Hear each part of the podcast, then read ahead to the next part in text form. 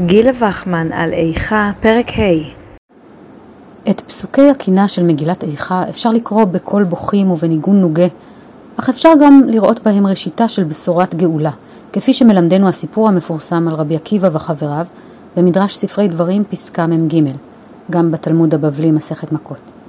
שוב פעם אחת היו עולים, הכוונה לרבן גמליאל, רבי יהושע, רבי אלעזר בן עזריה ורבי עקיבא, היו עולים לירושלים. הגיעו לצופים, קרעו בגדיהם, הגיעו להר הבית וראו שועל יוצא מבית קודש הקודשים. התחילו הם בוכים ורבי עקיבא מצחק.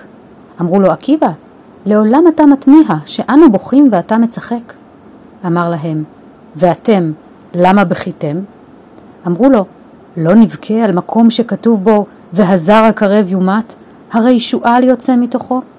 עלינו נתקיים, על זה היה דווה ליבנו, על הר ציון ששמם, שועלים הלכו בו. פסוקים י"ז-י"ח. אמר להם, אף אני לכך צחקתי.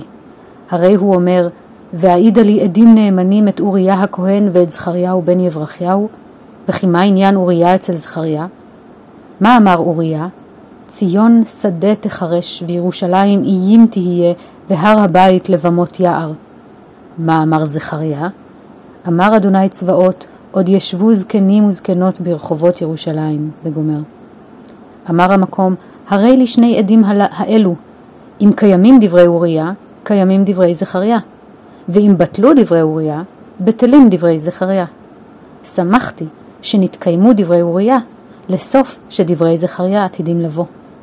בלשון הזה אמרו לו, עקיבא, ניחמתנו.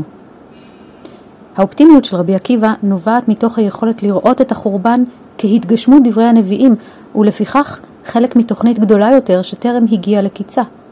עבור רבי עקיבא, השועלים המהלכים בין חורבות המקדש אינם סיבה לבכי, אלא לצחוק. הם מבטיחים את התגשמותן העתידית של נבואות הנחמה.